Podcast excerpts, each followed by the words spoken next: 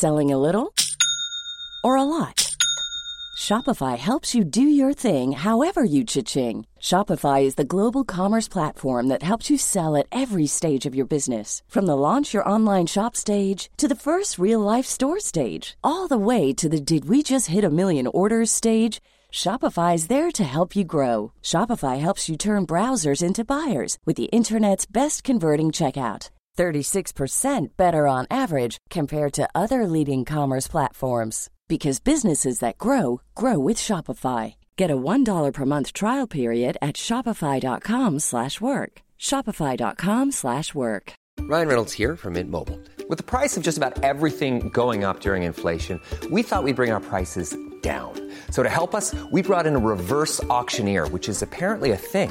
Mint Mobile unlimited premium wireless. Ready to get 30, 30, bit to get 30, bit to get 20, 20, 20, bit to get 20, 20, bit to get 15, 15, 15, 15 just 15 bucks a month. So, Give it a try at mintmobile.com slash switch. $45 upfront for three months plus taxes and fees. Promo for new customers for limited time. Unlimited more than 40 gigabytes per month. Slows. Full terms at mintmobile.com.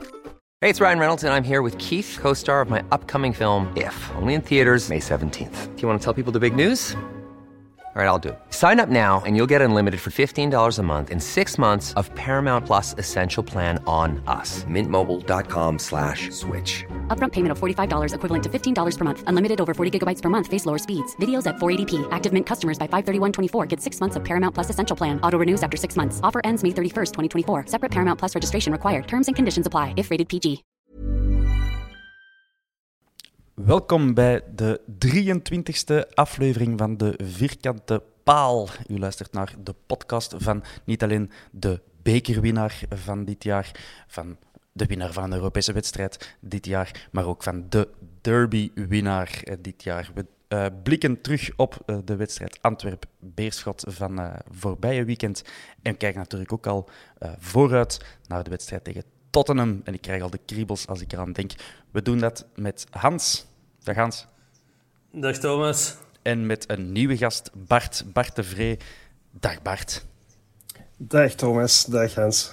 Dag Bart. Alright, welkom eh, Bart. Eh, eerste keer uw ontmaagding eh, op of met de vierkante paal, afhankelijk hoe dat je het wilt bekijken. Ehm, eh, Klinkt pijnlijk. Ja, misschien moeten we even eh, kort inleiden, want iedereen kent en Hans natuurlijk al. Maar Bart, ehm, eh, wat is u- uw eerste ervaring eh, op de Antwerpen, als je dat nog weet? Ehm, wel, ik weet niet zo direct niet meer juist eh, welke match dat mijn allereerste match was. Maar ik kan mij zo nog wel één match herinneren dat volgens mij zo wel heel lang geleden is. Dat, dat mij nog goed is bijgebleven. Ik heb er straks even lang leven het Antwerp-archief trouwens eventjes opgezocht. En eh, dat was in eh, februari 2007, eh, als ik mij niet vergis. de bekerwedstrijd tegen Standaard. Oké. Dat, dat is mij echt nog heel, heel hard bijgebleven. dat, het was ook slecht weer. Het was, eh, we waren aan de late kant, dus op tribune 2. Zelfs niet op een bankje, maar op de beton, de trappen. dus, eh, en, eh, ja, spijtig genoeg wel verloren, maar eh, Ja. dat was wel een memorabele match. Ja, op dat moment inderdaad redelijk straffe prestatie van onze Reds, toen nog in tweede klasse natuurlijk. Ehm, we gaan natuurlijk beginnen met eh, de wedstrijd eh, Antwerp-Beerschot op de Bosuil door de Reds gewonnen met eh 3-2. Ehm, de spanning voor de wedstrijd, enfin, de dagen voor de wedstrijd, was er ook al wel aan het opbouwen.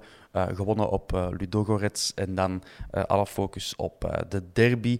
Ehm, we zagen een bezoekje van de harde kern. We zagen Antwerp Dynamite, die eh, de, de spelers wat peper in de kont eh, wilde steken met spandoeken.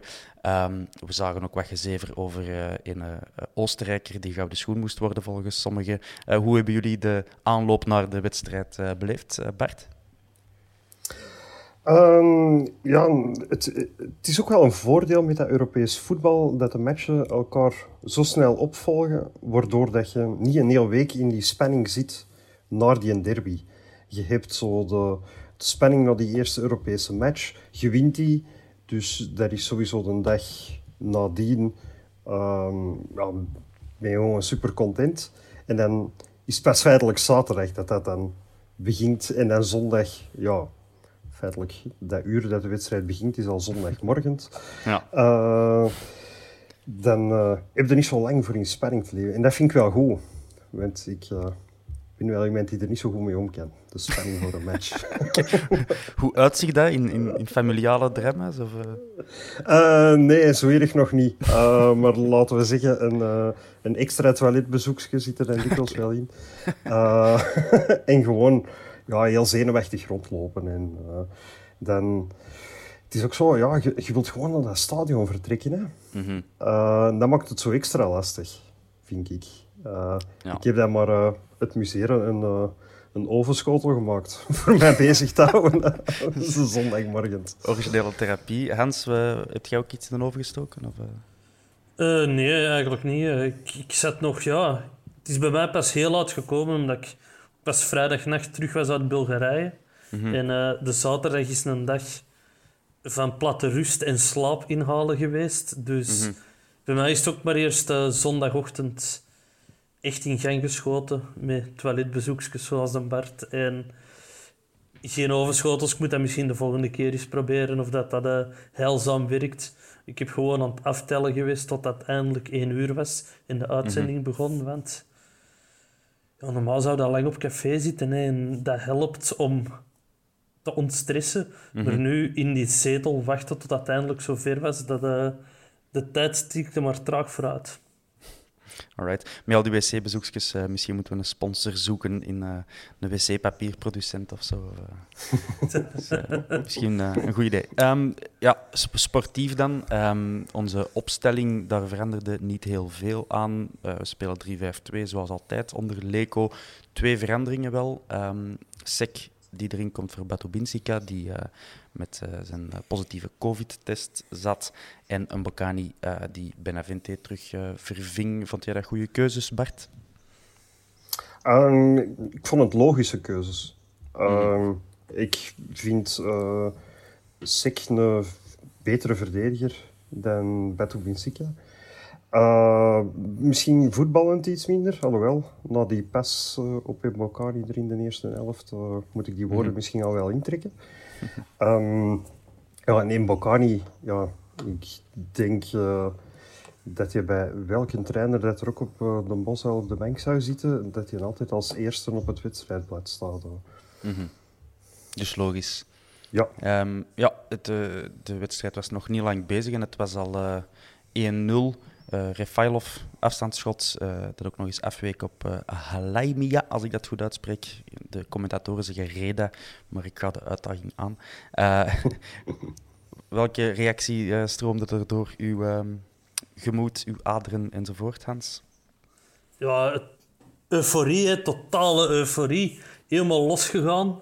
Ik mijn bovenburen zijn ook fanatieke Antwerp-fans. En mm -hmm. ik heb na, na Ludo Goritz heb ik mezelf een uh, vrijwillige quarantaine opgelegd, omdat een ander niet moet omdraaien voor de fratsen die ik uithaal. Dus we hebben alle twee apart gezien, waar dat we het normaal samen zouden zien. En uh, ja, mijn, uh, mijn tv staat voor op die van hun, een twintigtal okay. seconden. En ze hadden dus gevraagd om in alle stilte te juichen. Maar dat is toch, dat is toch niet echt gelukt. Nee, begrijpelijk. Dat is een vreselijke situatie. Als er een ene tv voorstelt de andere. Ik heb zo de, de match om het um, brons van de Rode Duivels op het afgelopen WK ook zo gezien uh, in een tuin bij een mat. En uh, twee tuinen verder waren er andere mensen en die in een tv stond ook een halve minuut voor. dan hoorden ze ineens gejuichen en dan zitten er wat middenveldspel te kijken en dan denk je, wat is dat hier? Uh, bon. Um, omdat jullie dat van mij verwachten, um, heb ik daar natuurlijk meteen, toen dat die goal viel, um, even gaan opzoeken hoe dat, dat zit met uh, uh, Beerschot en achterstanden ophalen. Want we weten dat wij daar ondertussen wel uh, koningen in zijn. Um, Beerschot niet echt. dus ja, ik wou direct even kansberekening. Allee, welke invloed heeft onze voorsprong op onze uiteindelijke winst? Um, en mijn research bracht aan het licht dat Beerschot tot dusver dit seizoen maar één keer was achtergekomen en toch nog gewonnen had. En dat was tegen Waasland-Beveren. Um, en die andere acht matchen heeft dat scenario zich niet voltrokken. Dus ja, ik was er eigenlijk gerust in vanaf dat moment. Ga je ook, Bart? Uh, ja, volgens mij beginnen die altijd een beetje met een achterstand. Zeker tegenover Op ons. welke eh. manier? dat, dat laat ik aan de luisteraars uh, om vrij in te vullen. Um, nee, ik, ik, ik vond het... Uh, ja, mijn pronostiek was feitelijk van... Ja, we komen 0-1 achter en we winnen nog met 5-1. Uh, dus ja, ik was feitelijk hetzelfde als een Hans. Uitzinnig van vreugde bij die 1-0. Maar ik dacht erna ook direct van... Maar dat is niet het scenario dat we matchen winnen. dus... Uh, dus dat maakte het ook wel eventjes spannend, vond ik. Ja. Dat is zo... Ah, ja, ik kan u wel geloven dat niet Leco's een tactiek is van... Ja, mannen, kom. We komen 0-1 achter en dan beginnen we te voetballen. Mm -hmm. dus, uh, maar de laatste paar weken heeft het wel geholpen. Ja. Maar uiteindelijk, we voetbalden wel uh, sterk in die openingsfase, Hans. Uh... Ja, sowieso. ik vond, we zijn weer gestart zoals donderdag. Hè. De eerste 20 minuten vol voor gaan, goed knallen. Dus dat, is, dat was heel hoopgevend. dan valt er ook al kort daarna de 2-0. Wat dat mm -hmm. Ja, helemaal totaal euforisch was. En dan heb ik het gevoel, ja, we gaan die hier wegblazen. Hè. Dat, wordt hier, dat wordt hier een walkover van, ik ken niet meer. Mm -hmm. Maar ja, uh, later gaan we daar verder op ingaan, op die al dan niet walkover. hè. Ja, en het was ook, uh, als ik me niet vergis, 74% balbezit na 18 minuten mm -hmm. voor ons. Uh, voor, ja, met de woorden van uh, Limbombe te zeggen. uh, met de bekerfinale. een bekerfinale met de promotiematch tegen Rusland. Ja, en speelde alleen, hè. de... True. Nee, daar leek het wel op. Hè. De eerste 20, 25 minuten waren echt heel sterk. net zoals in Ludogorets ook het geval was. In 2-0, ja, toch een van de mooiere goals die we van Antwerpen al hebben gezien de laatste tijd. Hè. Bart, wat vond jij? Ja, fantastisch. Hè? Uh, die pas van Refaelov uh, naar Juklorod, die heeft eigenlijk ja, op, de, op de slof pakt direct en dan uh, naast Van Hamel in de korte hoek binnenjaagt. Dus ja, prachtige goal. ik sprong hier recht en ik zat ineens bij wijze van spreken bijna in de slaapkamer van de dochter en twee seconden later op het gelijkvloers. dus dat was en uh, nog een leuke anekdote ondertussen. Ja. De buurman was de auto aan het wassen. Uh, die mens die, die een, sprong zelf een meter in de lucht van te verschieten. Dus dan heb ik even maar de raam open gedaan en nu even op de hoogte gebracht van uh, de stand van zaken. Ja, goed idee. Um, ja, na die 20, 25 minuten die al sterk begonnen, ja, veranderde dat spelbeeld uh, in deze. Hans, heb jij dat ook zo uh, gezien? Ja, het is dat zien we wel vaker. Hè. We komen, als we dan al voorkomen, dan, dan zakken we zo wat terug. We werden natuurlijk ook niet geholpen door de arbiter op die momenten, want mm. we...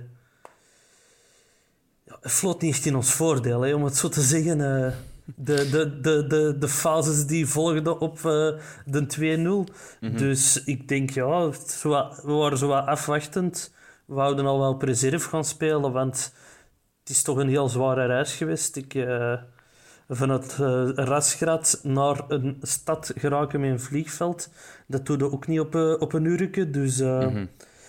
ja, ik, ik, ik snap wel dat ze ergens op reserve spelen. En het had mogelijk geweest als de arbiter correct had gefloten. Ja, want je refereert natuurlijk naar uh, een paar betwistbare fases. Want um, dat vergeten de, uh, zijn de mensen ondertussen ook al vergeten. In de eerste twee minuten was er al eens een penaltyfase met een Bocani, waar ik in mijn notities al uh, vraagteken, vraagteken, uitroepteken, uitroepteken had bijgezet. Um, dat was nog met Halaimia, die een Bocani... Um, ja. was het? Ik ben het, al, ik ben het zelf al vergeten. maar dan waar dat iedereen het, was wel een, Het was een duwke, het was... Met Brugge was het wel gefloten, maar daar vond ik dat ook geen penalty. Dus, uh... Voilà, oké. Okay. Maar dan, uh, waar dat het uh, ja, veel relevanter was om over te praten, was die fout van Frederik Frans op een Bekani, die ja, daar misschien de vergissing maakt van toch nog te willen doorspelen. Nou, vraag van ene Ad Ben Jacobs op Twitter, die kennen we. Um, die, die vraagt, wat had de scheidsrechter dan wel moeten doen, Bart, in die fase? Um... Ja, ik, ik vind op zich eerst zo de wait-and-see-regel toepassen. Vind ik feitelijk geen slechte. Van die, die een tackle wordt ingezet. De scheidsrechter staat er ook echt met zijn, met zijn neus op. Ehm, en dan zien hoe dat de, de, de fase verder afloopt. Eh, valt er ja, niet direct rechtstreeks een goal uit, de bal op de stip leggen. Lijkt Ja. mij een logische beslissing. Ja, Wil ik nog wel even zeggen, dat eerste op Mbokani, eh, ja, ik vond het iets te licht hmm. voor, voor een penalty. Maar anderzijds, zoals de Hens refereert, de dag voordien, bij Club Brugge wordt er wel op de stip gelegd voor feitelijk iets gelijkaardig. Ja, Dus, eh, Frederik Frans die wou in de rol van eh, Harald Pinkster kruipen in, eh, in de jaren 2002 door eigenlijk ja, de, enige, de ene rare stoot naar de andere te doen en toch niet bestraft te worden. Ehm, voor mij had die bal zeker wel op, eh, op de stip gekund. En je kunt ook argumenteren dat als je die bal niet, allee, als je die fout niet fluit en geen penalty geeft, dat je eigenlijk ja, schwalbegedrag stimuleert op die manier. hè. Want ja, als dat geen fout is, wat dan wel? Ja, tuurlijk, dat moet er vanaf nu altijd gaan liggen. Hè. Want er worden ook geen schwalbes meer gefloten. Sinds, sinds de verder is, wordt er raar of zelden een schwalbe gefloten. Want dat geeft het direct een kans om de, de VAR in te grijpen. Er wordt ook geen geel kaart meer getrokken of zo. Je, je ziet dat bijna nooit meer, vind ik. Oké. Opvallende hot take van, eh, van eh, Hans, die gewoon Eh? opschrijven. En, eh, als dat toch is gebeurd, recht in uw gezicht wrijven. Doe maar, Ehm, doe maar. Nu weten we wel ineens waarom dat eh, Arjen Robben terug uit pensioen is gekomen. Dus. Het mag, hoe fout. Het mag. Ehm, ja, en niet veel eh, later ehm, krijg je ook nog eens die fase dus met ehm Mbokani die, eh, ja, die zich op gang trekt om voorbij eh, Frederik Frans te stomen. En dan wordt neergehaald door eigenlijk zowel Frans als Jan van den Berg. En het verdict is geel voor Frederik Frans dan nog. Wat vinden we daarvan? Ja, dat was rood, hè. Hmm. Voor één van de twee, het maakt niet uit voor wie, daar moesten ze nog uitvissen. Maar ik vind Allebei. dat wel... Ja, Fr- Frans had misschien al geel moeten krijgen met die penaltyfout. Mhm. En dan nu maar een tweede geel en dan Van den Berg ineens rood. En dan was ik ook content geweest. Hè. Ze hadden dan niet per se alle twee rood moeten krijgen. Maar, allee... Zonder die ingreep was Mbakani duidelijk op weg naar de goal. Stond hij alleen voor de keeper. In mijn ogen is dat altijd rood. Ja, Bart? Wel, ik had feitelijk gisteren niet het idee van rood. Ik had zoiets van, oh ja, geel is, is, is terecht. Eh, ik, ja, ik vind ook zo, ja, is alleen door. Ja en nee. Gerkes staat er zo toch wel, als ik mij niet vergis, Gerkes toch zo wel bijna op dezelfde lijn. Maar dat is er een van ons, nu als ik- die mag er staan. Hè.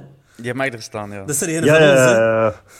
Ja, ja. Eh, maar dan, als ik vandaag heb ik eh, nu die, die, die fase, ik denk een keer of vier nog eens herbekeken. En dan echt het altijd zo, ja, laten we zeggen, de eerste keer van, ja, donkergeel. En ging naar oranje en tegen de vierde keer dat ik het zeg van, of ja, ik had je gewoon rood moeten krijgen. Ehm, omdat, ja, zoals de Hans het zegt, ja, als ze hem niet tegenhouden, want, want ze stonden slecht gepositioneerd, ook alle twee. Eh, Het was niet dat ze het meelopen waren. Mhm. Staat in Bocani wel degelijk alleen voor Van Hamel. Ja. Ja, en dat is, dat is bijna altijd goed natuurlijk. Maar goed, dus de conclusie is eh, rood. Frederik Frans twee keer rood. Jan van den Berg zes weken geschorst. Maar het is allemaal niet gebeurd, helaas. Eh Beerschot bleef eh, nog met, met elf op het veld. Ehm, en Maar ik dan, vind dat wel goed. Dat ze met elf bleven staan. Was Ja. precies Wesley Sonk. Die, die, die was ook weer heel tijd bezig. Ja, het is goed voor de wedstrijd dat er geen rode kaart is gevolgd. Wat voor zever is dat nou? Voor, mijn- voor mijn wedstrijd is dat niet goed, hè? Nee, nee, maar op het einde wel. Want nu verliezen ze met 11 op het veld. Anders had dat Oh. een, eh, een, weer eentje voor het excuuslijstje geweest. Dat is ook waar. Dat is ook waar. Maar goed, ehm, het leek er even op dat dat excuuslijstje niet moest bovengehaald worden. Want ja, wij beginnen eigenlijk helemaal in te zakken. Ehm, Miyoshi eh, met name had het heel moeilijk tegen zijn rechtstreekse eh, tegenstander Tissoudali. Ehm dat is ook iets wat op Twitter werd aangehaald door eh, Joni VL. Wat vonden jullie daarvan, Miyoshi? Hij is ook als eerste naar de kant gemoeten in de tweede helft. En, en verliest er ook de bal bij 2-1. Hè? Dus Mhm. dat, dat, dat, dat zit niet in de herhaling van het doelpunt, maar ter hoogte van de middenlijn verliest hem daar heel knullig de bal. En uh, ja, dan wilt hem Sik gaan helpen, waardoor dat ik denk dat hem een beetje in de weg loopt bij Sik. En dat Tissoudali daar met een heel schoon actie de bal tussen twee benen van Sik en Gelin toch nog voor krijgt. En ja, dan, uh, dan was het pot, hè. Ja. Ja, um, inderdaad 2-1 geworden. Uh, en dan voor de rest, ja, het overwicht was een beetje uh, voor de bezoekers. Overwicht steriel, want heel veel kansen zijn er, uh, zijn er niet gevolgd, om niet te zeggen. Geen een paar afstandsschotjes van Dom en Holzhauser. Dan, ja, we gaan rusten, komen terug uit de kleedkamer. Je denkt, oké, we beginnen die match terug met, met vernieuwde krachten, maar die vernieuwde krachten die leken bij ons wel, wel ver weg. Ik vond ons echt een, een vermoeide indruk laten. Wat jij, Bert? Ja, inderdaad. Ik, ik dacht, ja, de, de verschroeiende start, dat werd, werd misschien, ay, dat is onmogelijk voor, voor vol te houden. Uh, misschien Liverpool die dat half en half kunnen en mm -hmm. het Juventus van eind jaren 80, begin jaren 90 ook. Maar ja, die, uh, dat was niet alleen maar proteïne shakes dat die uh, hun voorbereiden. Zware beschuldiging. uh, en, maar ik had wel verwacht dat, dat er toch mee iets meer grinta uit de kleedkamer ging komen. Uh, mm -hmm. Ik had wel gedacht van, oké, okay, dat goaltje is gevallen, het staat 2-1, we staan nog altijd voor. Kom aan, we gaan even terug, een kwartier, twintig minuten, hoge pressing zetten uh, en die flankje onder druk zetten. Want vooral kwam daar het, het gevaar van. En ze gewoon even bij de keel grijpen en de de 3-1, misschien de 4-1 maken en dan de match rustig op het gemakje uitspelen. Ja. Maar uh, dat gebeurde spijtig nog niet. Nee, in tegendeel. Um, nu, ik heb verschillende uh, paarse supporters op sociale media zien verkondigen dat ze ons gedomineerd hebben en wat weet ik allemaal. Maar uiteindelijk, ja, als er niet veel kansen uitkomen, dan kunnen we moeilijk van domineren spreken. Um, balbezit is één ding, maar je moet er ook iets, uh, iets mee aanvangen, hè, Hans? Ik vond het uiteindelijk een gemakkelijke match voor ons. Dat, is, dat is het soort voetbal dat we uiteindelijk wel graag zien. Komt er maar even op onze, op onze mm -hmm. muur verachter. Hè. Uh, Sik, te laat, die lossen dat wel op. Uh, Gelijn zal dat ook wel kunnen, zeker. Dus ik vind dat ook... al die mannen van de andere kant die maar bezig zijn, dat we onverdiend zijn gewonnen, die hebben volgens mij een andere match gezien. Want het is nu niet dat het kansen regende langs hun kant. dus... Het was, het was op een gegeven moment begon zo wat een saaie match te worden. Hè. Begon zo wat, het, zat, het zat vast langs beide kanten en ja, er kwam niet echt iets van. Wij konden wel de bal niet meer in de ploeg houden. Hè. Dat was wel, uh, wel opvallend. Um, en uh, dan zien we dus Miyoshi eraf gaan en uh, Boeta komt erin. De tweede keer dat hem invalt op een paar dagen tijd. Dus dat is goed nieuws en dat zou later ook nog uitstekend nieuws blijken te zijn.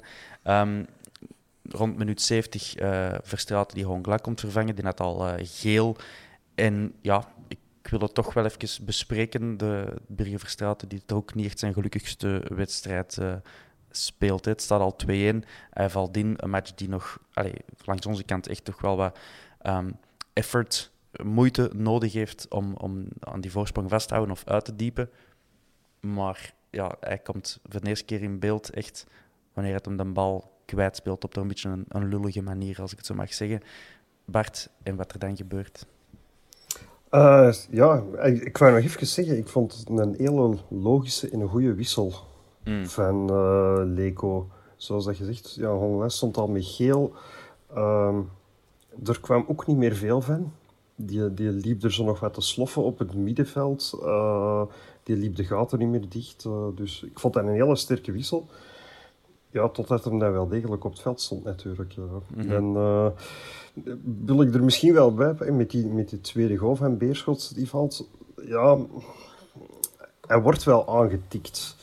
Het is, het is, ja, het is balverlies, maar even goed kunnen ze er ook een fout voor blazen. En dan, uh, ik moet me al lang inhouden, want ik vind dat je het uh, heel uh, moedig opneemt voor Den Burger. Uh, daarnaast wil er ook iets over zeggen. Ze stampen verdomme deze steunbeen weg. Alsof dat niks is en die arbiter laat hem maar toegaan. Iedereen zit hier nu maar op die burger zijn kap, maar die jongen kan er niks aan doen. Er wordt gewoon een flagrante fout op hem gemaakt, dat de arbiter moet afblazen of daarna de VAR tussenkomen. Maar ze laten hem verder spelen en het is 2-2. Dus ik heb dat helemaal anders gezien, maar... Uh... Dus ik geef Bart volledig gelijk een fout.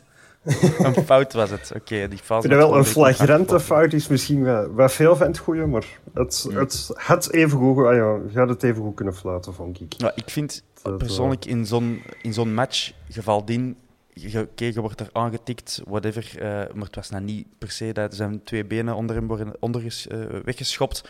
Ja, allee, op zo'n moment moeten juist uh, potig zijn en, en je lichaam zetten en zeggen hier, no passeran, niet voorbij mij maar hij valt, hij gaat tegen de grond en, en het spel gaat verder. Ik vind dat een arbiter zoveel mogelijk moet laten spelen. Voor mij leek dat uh, niet per se een grote fout. Dus ik kan wel snappen dat hem laat, laat doorspelen. En ik, dan vind ik de consequenties wel heel, heel uh, zwaar voor iets dat perfect te vermijden was, denk ik, Hans. Maar jij zit er weer te fronsen dat, ik, uh, dat je niet... Te fronsen? Nee, ik, ik, ik, vind, ik vond dat een fout. Ik okay. vind ik vind dat iedereen veel te hard is voor Verstraten. Uh, ik, ik, die jongen die wil zo graag voor ons spelen, die wil zich zo graag bewijzen. Ligt zich misschien zelfs iets te veel druk op. Maar mm. deze is iets waar dat hem helemaal niks aan kon doen in mijn ogen. Okay. Als, je, als je wordt onderuit gestampt met je steunbeen, ja, dan blijft het moeilijk recht. Hè? En dan durf dan eens een bal kwijt te spelen. Dus ik vond niet dat daar echt een fout van Verstraten was. Oké, okay, fair enough. Ik heb ook niks tegen Birger Verstraten, voor alle duidelijkheid. Ik hoop dat hem nog... Ik vind dat hij maar een uh, ongelukkig een seizoensbegin heeft. Uh, kijk, ja. de rode kaart op Charleroi.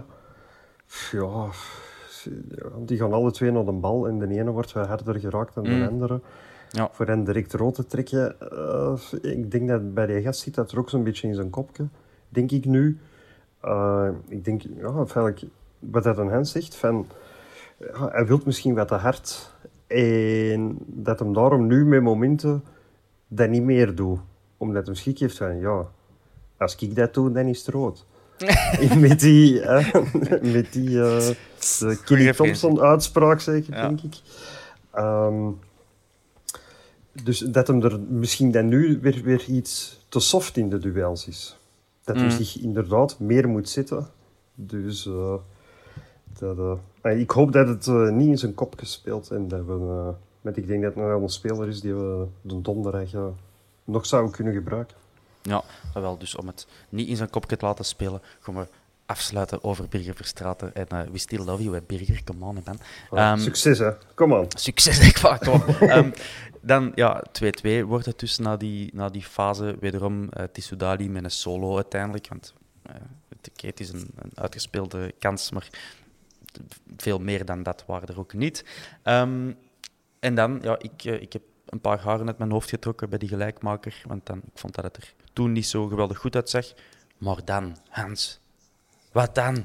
Ja, Boeta ging eens even toveren. Hè. Ik, uh, ik vond hem heel nonchalant spelen. Ook op Ludo Goritz vond ik hem heel nonchalant. Ik zat toen recht voor Boeta. Ik zat uh, ter hoogte van de middenlijn op de derde rij. Ik moest constant bijgestuurd worden. Liep er zo wat speels rond te huppelen. En ik had het gevoel ook weer dat hem zo was ingevallen. Hmm. Maar dan, ja, dan even een moment van genialiteit. Die, die pas naar een Bocani. Hoe, hoe geniaal was dat? Dat is echt... Dat was perfect uitgemeten. Een Bocani onside. En als hem zo op een keeper kan afstormen, ja, dan... Uh, eh, 9 van de 10 is het pot, hè. Mm ja, wij als tv-kijker hebben zo het voordeel dat we van die openingen vaak iets sneller kunnen zien dan een voetballer die het allemaal op uh, ooghoogte moet doen. Uh, ik had dat, dat gatje ook gezien en ik dacht direct van, ja, dat gaat niet. Daar kun je geen bal tussen krijgen. Die. En dan geeft hij die een bal en die zit daar perfect tussen. En ook nog eens perfect in de loop van een Bocani. Ik vond dat een heerlijk gevoel. En vanaf dat hij een bal de voet van Bocani bereikt, had ik al zoiets van, ja, ja, ja, ja, dit gaat gebeuren. Uh, en je kunt hem ook niet beter afwerken, Bert. Nee, dat is ook de grote kwaliteit van, van Imbokani. Die heeft maar een halve kans nodig. Uh, deze was dan een volledige kans, maar gewoon, ja, die heeft een doelinstinct tot en met. Mm -hmm. het is ook gewoon prachtig afgewerkt, want ik kreeg die een bal, die is hard. Want anders Ja, kan je ja. niet gewoon door die verdediging snijden. Dus ja, die bal moet hard zijn. Hij pakt die perfect aan. eh, draait hij naar zijn rechtervoet en eh, werkt perfect in het hoekje af. Eh, je hoorde... Dat is wel misschien het enigste voordeel aan een wedstrijd zonder publiek. Ja. Je hoort je een bal tegen die paal vliegen en dan binnengaan. Dat is zalig geluid, fantastisch geluid. Heeft hij de paal geraakt? Bij Ja. mij weten niet. Bij mij- Allee, Volgens mij zet hij, Nee, ik denk dat volgens mij niet. hij los, ik, in- eh, los in het netjes, hè? Ja, perfect Ja, in ofwel, zijn netje, maar 10 ik hoor- centimeter je van de moet- paal. Wel, je moet de samenvatting, je hoort zo'n kling. Dus volgens mij raakt hij die nog juist. Of is dat, ja, misschien Die de staak beneden. Dat is, dat is volgens mij beneden, de, gouden schoendroom van Holzhauser die kapot valt. Heeft hij, heeft hij nou eigenlijk meegespeeld? Nee, die zat al in de douche ondertussen waarschijnlijk. Daarmee dat dat zo hol klonk. eh, nee, we hebben, hem- we hebben hem niet veel gezien, hè, eh, Holzhauser. Holzhauser. In de tweede helft werd hem wel veel gezocht. Eh, Ik vond ook dat ons middenveld er wat, wat moeite mee had tussen aanhalingstekens, omdat hij ja, echt overal de bal ging vragen. Maar ik bedoel het niet echt positief. Die ging heel tegen de zijlijn eh, lopen om daar eh, toch maar in het spel betrokken te worden. Haroon volgde hem niet. En dat vind ik bekend een, allee, dat is bekend een belediging. Hè, als je als mandekkende middenvelder tegen ja, een aangekondigde goede tegenstander speelt en je besluit van, ja, wat zou ik, wat zou ik mij daar nou gaan moeien om de, om de zijlijn? Wat gaat hem doen? Ehm, ik vond dat wel opvallend. Er waren verschillende fases waarin dat, dat ge- eh, gebeurde. Swat, we gaan eh, voort. Ehm, na onze 3-2 hebben we het eigenlijk redelijk gewoon onder controle. Dat is een kwartier te spelen. Er is niet meer heel veel gebeurd. Dus ik stel voor dat we eh, ja, de match... Oh, hier, Den Hans wilt nog iets Ik toevoegen, wil wel nog één moment van genialiteit toevoegen. En dat is in de 86e minuut. Richie de Laat, die er met een rush gaat Ja. voor tribune 2. Ik denk, als er volk had gezeten, er had gejuicht geweest alsof dat een doelpunt was. Dat had helemaal zot worden geweest. En dat, dat, was, dat toonde echt van, gasten, we gaan hier winnen. We gaan dat hier over de streep weer trekken. En toen was ik ook zeker, ja, die mannen die gaan niet meer scoren. Want de snoots stapt de Richie er een paar man in twee, pakt hij een rode kaart, de penalty, ik weet niet wat. Maar de, de Richie ging gewoon alles doen om te zorgen dat we zouden winnen. Ja, top hè. Maar ik, ik, ik had eigenlijk eh, toch nog een beetje kritiek te uiten. Ik had liever gehad dat ze dat een half uur geleden, eh, of daarvoor hadden gedaan. Dat Haroon dat ook meer had gedaan, dat Hongla dat meer had gedaan. Maar in de 86e minuut Richie dat zien doen, is top. Maar voor mij had dat vuur er al iets rapper in gemogen. Want ik vond dat Beerschot een beetje te veel met, met ons kloten ontremmelen was op den duur. Waarmee dat ik niet gezegd heb dat ze dominant waren. Uh, We waren, ik- we waren met vuur aan het spelen. En het heeft even geduurd, maar dan zat het vuur erin. Ja, voilà. Oké, dat is de conclusie. Ehm, we hebben kweest nieuw veel vragen gehad op Twitter. Eh, we hebben er natuurlijk ook zelf om gevraagd. Eh, maar we hebben een, eh, eh, ja, een, een twaalf, eh, twaalftal eh, vragen gekregen. We gaan ze niet helemaal behandelen. Het spijt me zeer, eh waarde luisteraars.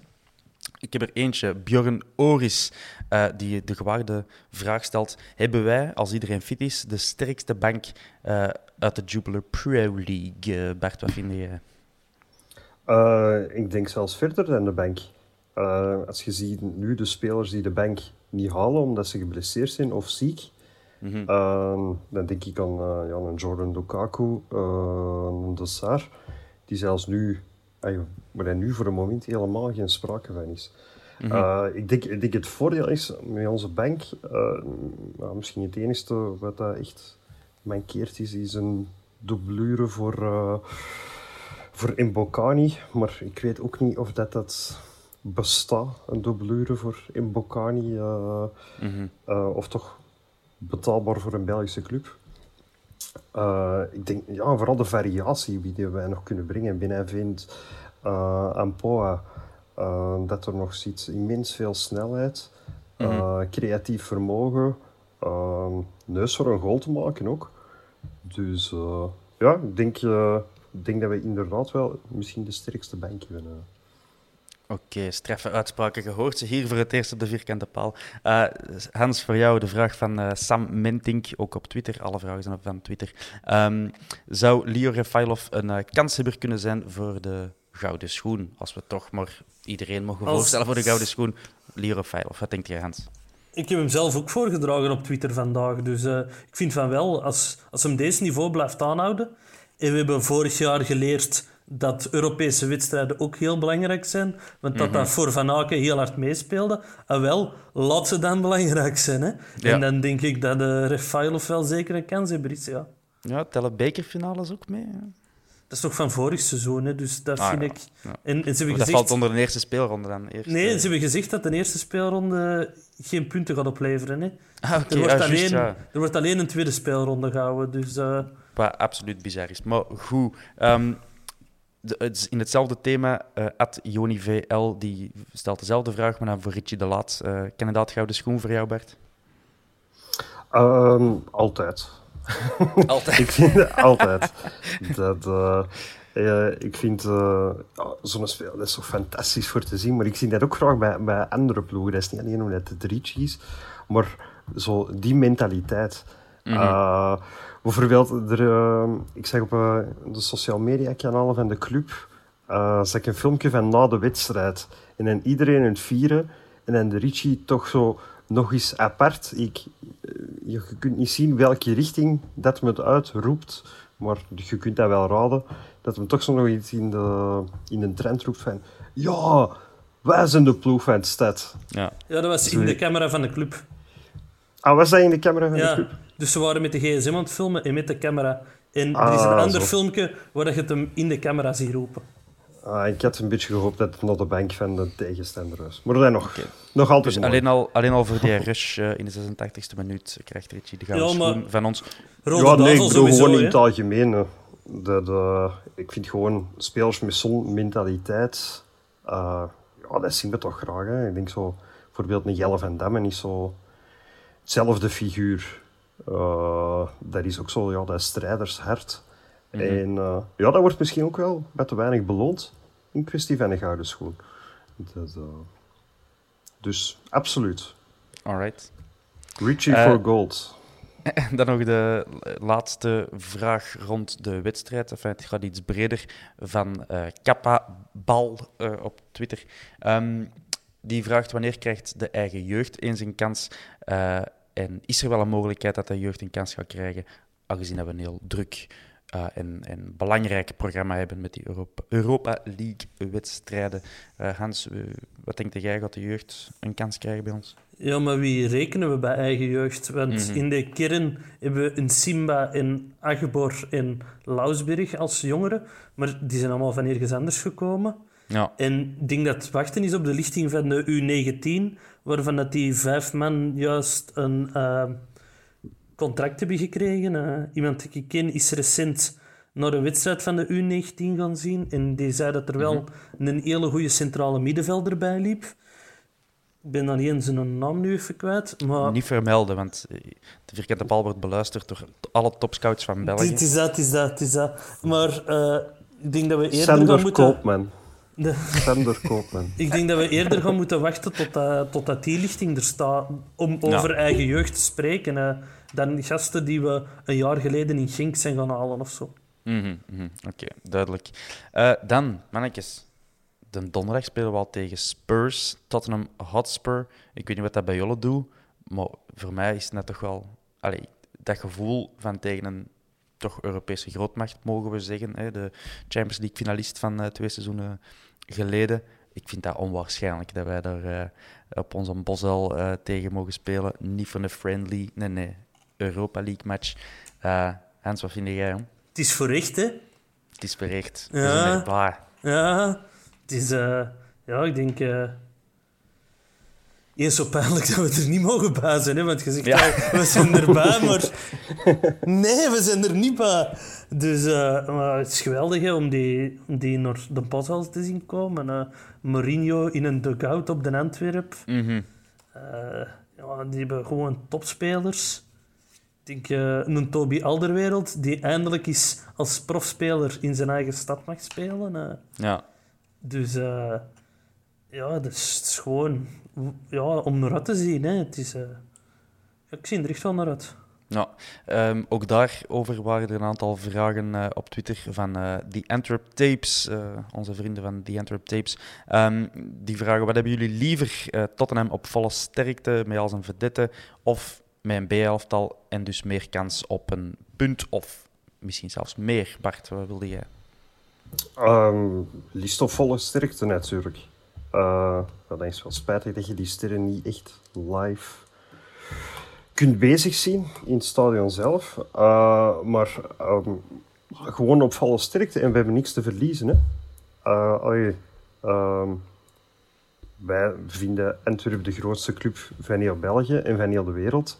Ja, maar... Staan eerst uh, in, in, in België. Dus België is te klein geworden voor ons. Hè. Dat, dat, dat is het toch?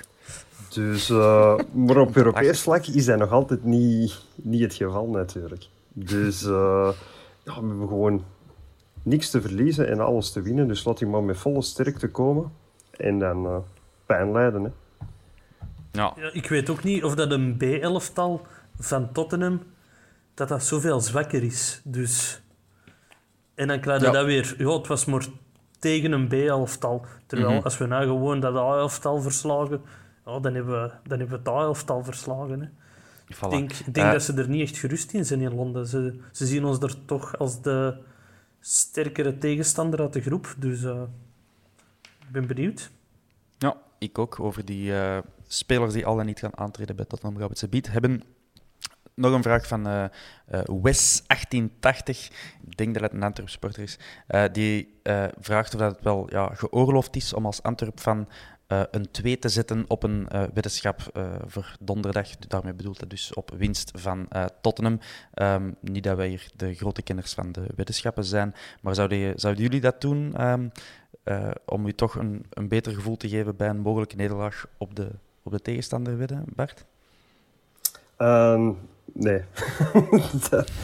ik doe dat meestal ook niet zo, zo snel. Bidden op een wedstrijd, dan is dat hoogstens voor zo mijn lotto-account waar dan zo nog 1 euro op staat, waar ik dan niet mee kan op de lotto of de euromillion spelen, dat ik inzet. Maar uh, ja, tegen, tegen mijn eigen ploeg uh, inzetten, dat uh, laat dat maar voor Olivier de Schacht.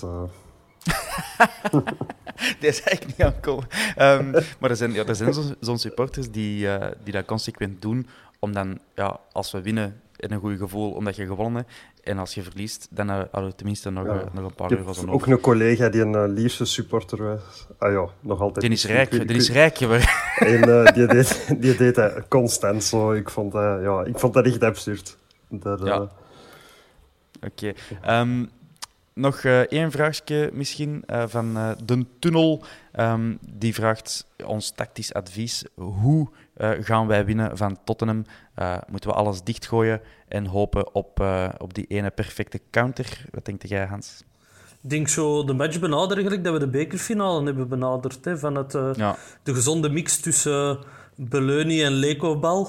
En zo ergens in het midden de, de, de gulden middenweg vinden. En nou, ik denk dat we dan wel ver kunnen komen. Je moet...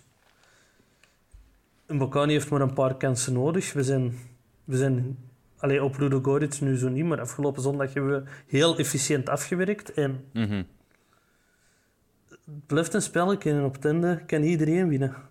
Dat is een feit, oké. Okay. Um, dus eigen spel spelen, uh, versta ik daaruit. We zullen eens even wat meer in detail gaan kijken naar onze tegenstander van donderdag. Niet dat Tottenham zoveel uh, inleiding nodig heeft, maar wat mij toch wel verraste, uh, Tottenham heeft drie kwalificatierondes uh, nodig gehad. Enfin, die moesten die spelen uh, om in de Europa League te geraken. Suckers, niet eens rechtstreeks geplaatst, stel ik man. maar ze hebben dat wel met enige glans gedaan. gewonnen met 1-2 van locomotief Plovdiv uit Bulgarije. Dan, en nu gaat het lachen, van Kendia uit Noord-Macedonië. Die hebben ze met 1-6 uh, eh, weggeblazen. En dan ook uh, eh, 7-2 van Maccabi Haifa uit Israël um, gewonnen. En dus voor de groepsfase gekwalificeerd. Wat jullie wellicht weten als uh, Antwerp-kenners is dat wij al twee keer vriendschappelijk tegen Tottenham hebben gespeeld in de jaren 70. Weet u nog wat de uitslagen waren, Hans? nee. niet weggespeeld. Dus we hebben uh, op de Bosel eh, wel 1-3 verloren. Maar, en twee jaar eerder uh, hebben we op White Hart Lane toen nog 1-1 gelijk gespeeld. In, in dat gelijkspel speelde ook onze vriend Louis van Gaal mee, trouwens. leuk weetje. Hè? Toen was dat nog een degelijke voetballer voor ons, die voornamelijk vriendschappelijke wedstrijden speelde, weliswaar. Um, maar dat heeft hij toch goed gedaan. Goed, als we even naar onze uh, ploeg kijken. En we gaan dat speed ook doen voor Tottenham. Uh, wie verwachten wij aan de aftrap, Bart? ik denk feitelijk dezelfde elf. Mm misschien met, met één wijziging, Boeta in de plaats van Yoshi. Ja. dat, is, dat zorgt voor iets meer snelheid langs die rechterflank, maar het ook wel verdedigend meer verdedigend vermogen. Ik denk langs, langs de andere kant, Juklorot is perfect. Die heeft ook het uh, beste van alle twee op dat vlak. Uh, dus uh, ik denk dat dat een enigste wissel gaat zijn. Ah ja, okay, het is natuurlijk hout vasthouden hè, met in de COVID-19-periode dat iedereen gezond blijft. Ja, absoluut. Hans, verwacht jij veranderingen? Ik zou eigenlijk met dezelfde opstelling starten zoals een Bart. Zeker met in het achterhoofd, in een Europa League mogen we vijf wissels doen. Mhm. Wel op maar drie wisselmomenten. Maar dat kunnen we wel ten volle gebruiken naar zondag toe. Om ja, in functie van de uitslag wat extra spelers al wat vroeger rust te gunnen of te roteren. Dus uh, ik zou gewoon uh, met dezelfde elf, maar dan Boeta in plaats van Miyoshi starten. Ja, oké. Hans, kun je um, dat eventjes uitleggen? Met, wat bedoelde met ja, vijf wissels, snap ik, maar met drie wisselmomenten. Dus je mocht uh, vijf wissels gebruiken, maar je mocht dat maar drie keer doen. Ah, zo. Dus, dus je mocht vijftien wissels doen. Ja, vijftien. Nee, dus je mocht vijf man wisselen, maar je mocht een keer twee man, nog eens twee man en dan één man. Maar je mag niet vijf keer één man. Ja, ah, oké, oké. Duidelijk. Kunnen we voor, Bart? Ja. Zit er mee? Oké. Ik ben dan gaan we voort. Dan gaan we, dan gaan we naar de, uh, even naar de ploeg van Tottenham kijken. Uh, moeilijk te voorspellen wie dat we daar voor ons gaan uh, krijgen. In de vorige match hebben ze toch geen pannenkoeken opgesteld. Hè. Um, Joe Hart is er wel niet echt eerste keuze als doelman. Maar allez, zijn naam uh, zegt u wellicht wel iets. Uh, Matt Doherty hebben ze net uh, binnengehaald als transfer, speelt ook in de Premier League. Davison Sanchez speelde, Ben Davis, Regulon, die ook een hele goede aanvallende back is. op middenveld ook een aanwinst, die een Pierre-Emile Heubjerg, Scandinavië, Scandinaviër. Um, Harry Winks, ook, ook Engels international. En dan vooraan um, er ook een paar namen om iets of wat um, uh, voorbehoud bij te, te tekenen. Uh, Garrett Bale speelde, Erik Lamella, uh, Lucas Moura en Vinicius in de spits. Dus geen Harry Kane vorige keer. Um, en als, als we het over sterke banken hebben, die mannen hebben nog uh, Heung-Min Son laten invallen, Dele Alli, Sissoko, Lo Celso en ene Jack Clark, die ik eerlijk gezegd niet kende. Maar toch, als je dat van de bank kunt laten komen, ja, ik denk dat het duidelijk is wie dat er favoriet is. Hè?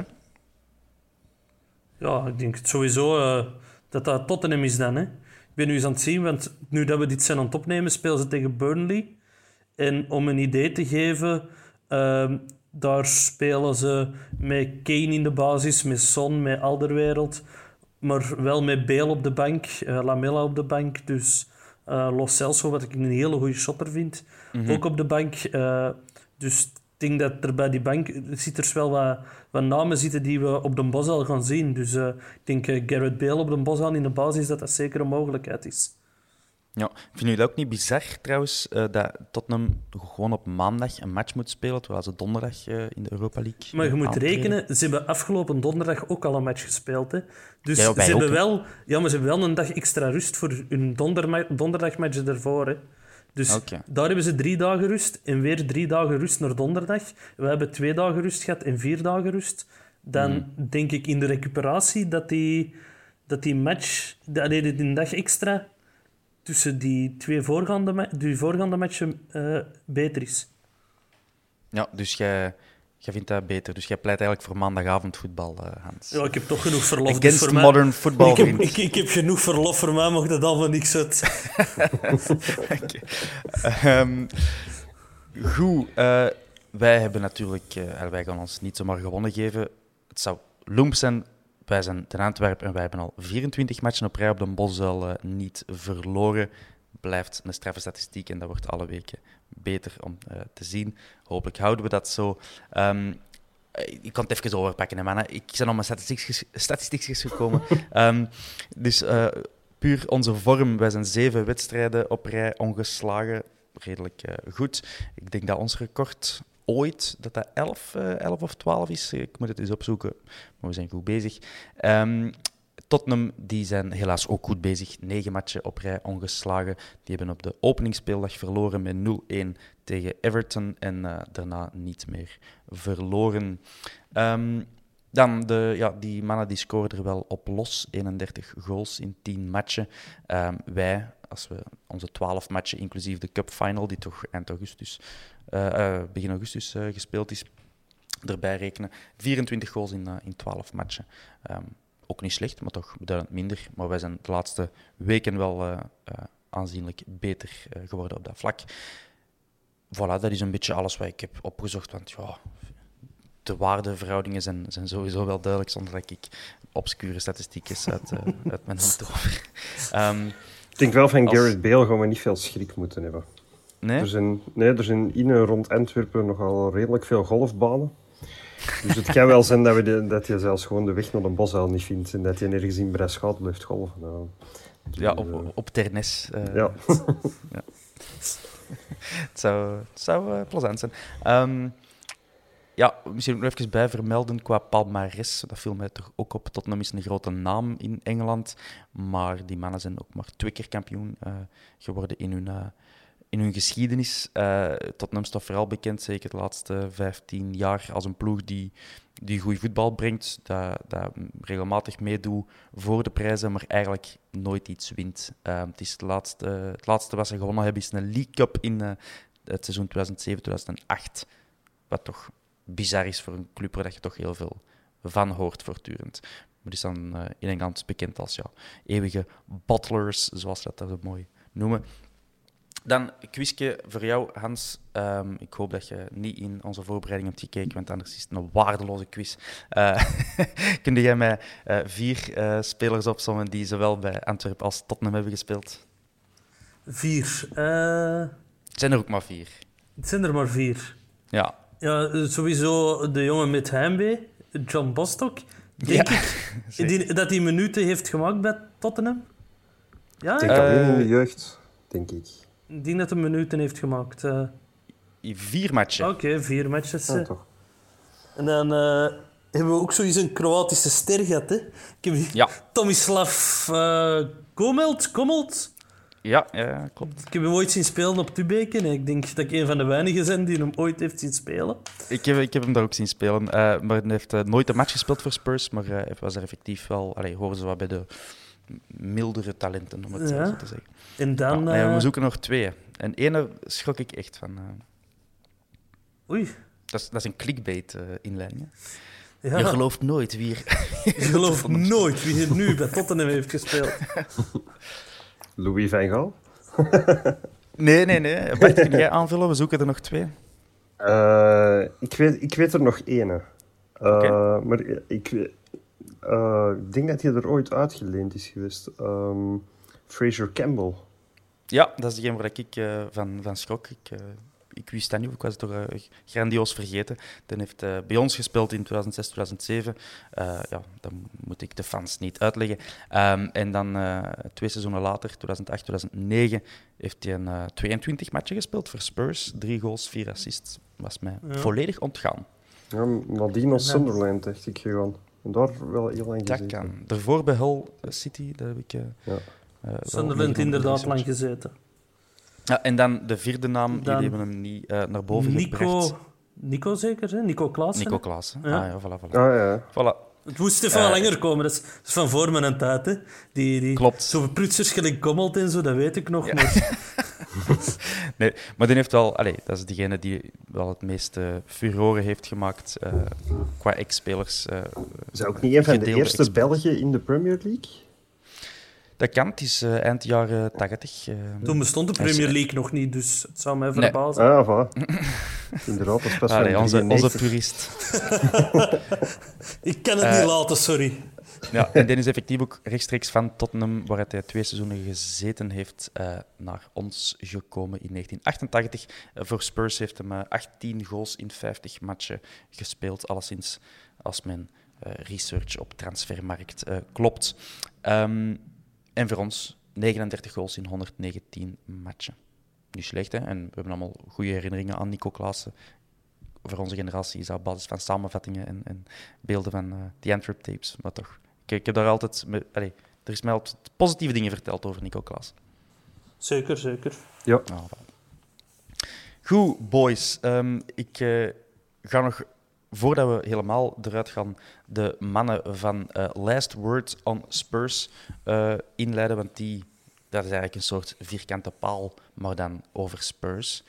Iedereen kopieert ons, dat is, dat is frustrerend om te zien, maar we kunnen er niet veel aan doen. Dus eh, die, mannen doen, doen hun best. Geven ze een kans. Nee, we hebben, ik heb gisteren voor hen eh, Antwerp ingeleid ehm, in mijn beste Engels, zonder vloeken. Heel braaf. En eh, dat kunnen we dus beluisteren op de podcast Last Word on Spurs. En zij gaan hetzelfde doen voor ons. Ik heb alleen nog geen idee wat ze gaan zeggen. Dus ik En- ben even benieuwd als jullie luisteraars. Zij gaan dat dan in het Nederlands doen? Of? Ik, eh, ik hoop het. Ik heb een Google Translate eh, link doorgestuurd. En, nee, ik, ik neem aan dat ze het in het Engels gaan doen. Dus dat gaan we zo meteen horen voordat we afsluiten. Maar laten we ons dan eerst met ons gedrieën afsluiten. Boys, we hebben een derby gewonnen. En we staan eerst in de Jupiler Pro League na tien speeldagen. Dat hebben we niet aangeraakt. We hebben zoveel te vertellen vandaag. Maar dat is toch echt wel... eh, ja, zo'n momenten moeten gewoon wel Dat is koesteren. Hè? fenomenaal. Ik onwezenlijk bijna. hè. naar het journaal aan het zien en daar zeiden ze ook... Anderlicht ontvangt komende zondag de leider Antwerp. En Ja. ja, ik, ik, zat hier, ja, ik zat hier met een semi in mijn broek. Hè. Maar als je, zo, als je bijvoorbeeld vergelijkt, ah, zo, zo twee, drie seizoenen geleden was het van, ah ja, dat is twintig jaar geleden dat Antwerp nog gewonnen heeft daar. Eh 20, jaar- 15 jaar geleden. Ja. eh. Ja, ondertussen hebben we al van iedereen gewonnen, Mhm. die in eerste klas. Dus eh, ja, die statistieken, ja, sorry Thomas, maar die kunnen even de, de kast in. Ik blijf ze, ik blijf ze eruit halen. doen, doen. En eh, ondertussen ja, een beker gewonnen, twee keer, eh, ehm, of drie keer een play-off in, twee keer. Twee. Ja, Ja, degenen die ja. zijn doorgegaan, eh, twee. ja. Ja, dus eh ah ja, beker gewonnen, groepsfase Europa League, eh, donderdag tegen Tottenham. eh, ik moet mij af en toe wel eens spitsen. Gewoon voor te zien van, is dit echt? Eh, ik weet nog dat ik er eh, zoveel jaar geleden uh, al euforisch was als we met 3-7 wonnen op eh, het veld van Heist of wat was er? En, 2-7 eh, denk of ik, ja. 2-7. Met Bostock. Met Boston. met Bostock, ja. geen heimwee. En Super Turk, denk ik ook. Ja, ja, Jordan Fauché. En als je dan ziet waar we nu staan, ja, moeilijk te geloven soms. Absoluut. Maar goed, we gaan eh, de Hans van zijn semi laten genieten. Eh, en we gaan luisteren naar, naar de mannen van Last Word on Spurs. Eh, bedankt om te luisteren en eh, tot de volgende keer. Bedankt Hans en Bart eh, voor jullie waardevolle bijdrages. Yo. Bedankt. Salut, Ciao mannen. Joep. Hello there, this is Ricky Sachs from The Last Word on Spurs. I hope you guys are keeping safe and well. This is a preview of Tottenham Hotspur's game to come against Royal Antwerp, and this is for the D Vacante Powell podcast. Thank you so much for having me, guys. Well, big game for Tottenham Hotspur to come this Thursday in the Europa League. Of course, every game at the moment feels absolutely huge for the club from a Spurs perspective. Playing some wonderful football, just the one defeat in 11 games for Tottenham in all competitions. And there is a real vibrancy and a real positivity around Tottenham at the moment. And they're playing some wonderful football on the eye. We had to grind out a win against Burnley in the Premier League on Monday evening, and Spurs did that successfully well. Um, I've got to say that Spurs at the moment, as I mentioned, there's a real confidence about the club and everything in around that. And of course, Gareth Bale coming back has obviously helped that case. But you look at the form at the moment of Harry Kane and Heung-Min Son, These two have got such a telepathic partnership where at this moment in time, everything is ticking over very, very nicely for the club. Now, of course, ahead of Europa League, we always expect a number of changes by Jose Mourinho. We've seen no Dele Alli, we've seen no Harry Winks involved in the last couple of games. So I do think you will see some changes by Spurs ahead of this game on Thursday. I think there's a great chance that Gareth Bale will be given another start. I think Gareth needs that. He needs game time, needs energy in those legs. There's a massive season ahead for Tottenham. We're in a lot of competition, so you would think Gareth will get some game time. Alongside Gareth, of course, we've got our new Brazilian signing, our new striker, Carlos Vinicius. I would expect Carlos to get some minutes. I would expect him to start the game. I see Spurs potentially lining up with Joe Hart in goal. Then a back four that could be anyone in between Sergio Aurier and Ben Davis to then potentially having Toby Alderweireld alongside either Davinson Sanchez or Eric Dier. And midfield again that I expect to be changed around. Pierre-Emile Højbjerg has played many games for Tottenham this season. Whether he will stay again in that midfield, I'm not too sure. Harry Winks, she probably argues he needed game time. Dele Alli at the moment with Delhi, I think his future is up in the air. It depends, like I say, how much game time we'll get between now and January if Delhi is going to leave the football club. And just on Jose Mourinho, if I can mention it, I've got to say, the way he's managing the players during this really, really crazy and chaotic schedule for Tottenham has been quite impressive. And at the moment, he's got the right balance so far between the Premier League and the Europa League. So it'll be very interesting to see against a side that in Royal Antwerp, obviously you you guys, I don't know a huge amount about the side. Um, they're a battling team, as I understand. You know, they work hard for each other. I don't think it's going to be an easy game, this, for Tottenham. I really, really don't. So um, I'm expecting a team that's going to come and give us a game. And, you know, Spurs so far this season, they've really had to dig in deep at certain games to get them across the line. I look at the game um, that we played against Burnley on the Monday night. I think Spurs had to work ever so hard as a unit, as a team, to really grind out the win. And this will be no different for Tottenham. I think what will benefit Spurs is that they have essentially got now um, two squads, or should I say, two first 11s. And that's something Spurs haven't always had the benefit of. And therefore, I do genuinely feel that Spurs have got a good chance of going far in the Europa League on the basis that they have got the ability to be able to rotate, change players at certain times, change the team, and tweak the formation as well. But I do think I worth saying here, Gareth Bale I can see definitely started as I mentioned. I think Dele Alli needs games, Harry Winks needs games, Joe Hart will come back in goal. Got no problem with that. Joe Hart played ever so well for Spurs in the Europa League last week against Lask. I think there's absolutely no harm at all in Joe Hart starting this game. But again, options from the bench will always be pivotal for Tottenham. And I think it'll be interesting to see between, I say, now to Thursday, um, how the Spurs players recover Obviously, like I say, they'll be doing a warm down on Tuesday, so I know a bit more there in terms of how their injuries are looking. Um, I think, as we know at the moment, only Steven Bergwijn is the own mainly injury doubt for the club. So again, between now and Thursday, when Jose Mourinho holds his pre-match press conference, we'll know more about his situation. But to give you a prediction ahead of this one, I've got to go with a Spurs win. I'm going to go for 2-1 Tottenham. I don't think Antwerp will make it easy at all, but I think Spurs' quality will just shine through during the game, and I expect Spurs to get over the line. And like I say, guys, wish you all the best for the rest of the season, just not for this game. Take care. Thanks ever so much.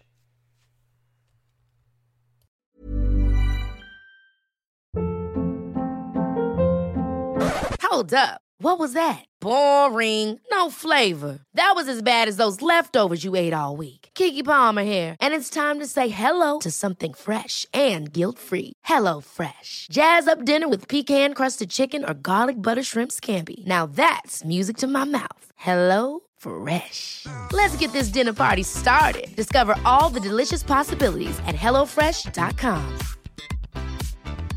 Hey, it's Paige DeSorbo from Giggly Squad. High quality fashion without the price tag. Say hello to Quince. I'm snagging high-end essentials like cozy cashmere sweaters, sleek leather jackets, fine jewelry, and so much more. With Quince being 50 to 80% less than similar brands. And they partner with factories that prioritize safe, ethical, and responsible manufacturing. I love that. Luxury quality within reach. Go to quince.com slash style to get free shipping and 365 day returns on your next order. quince.com slash style.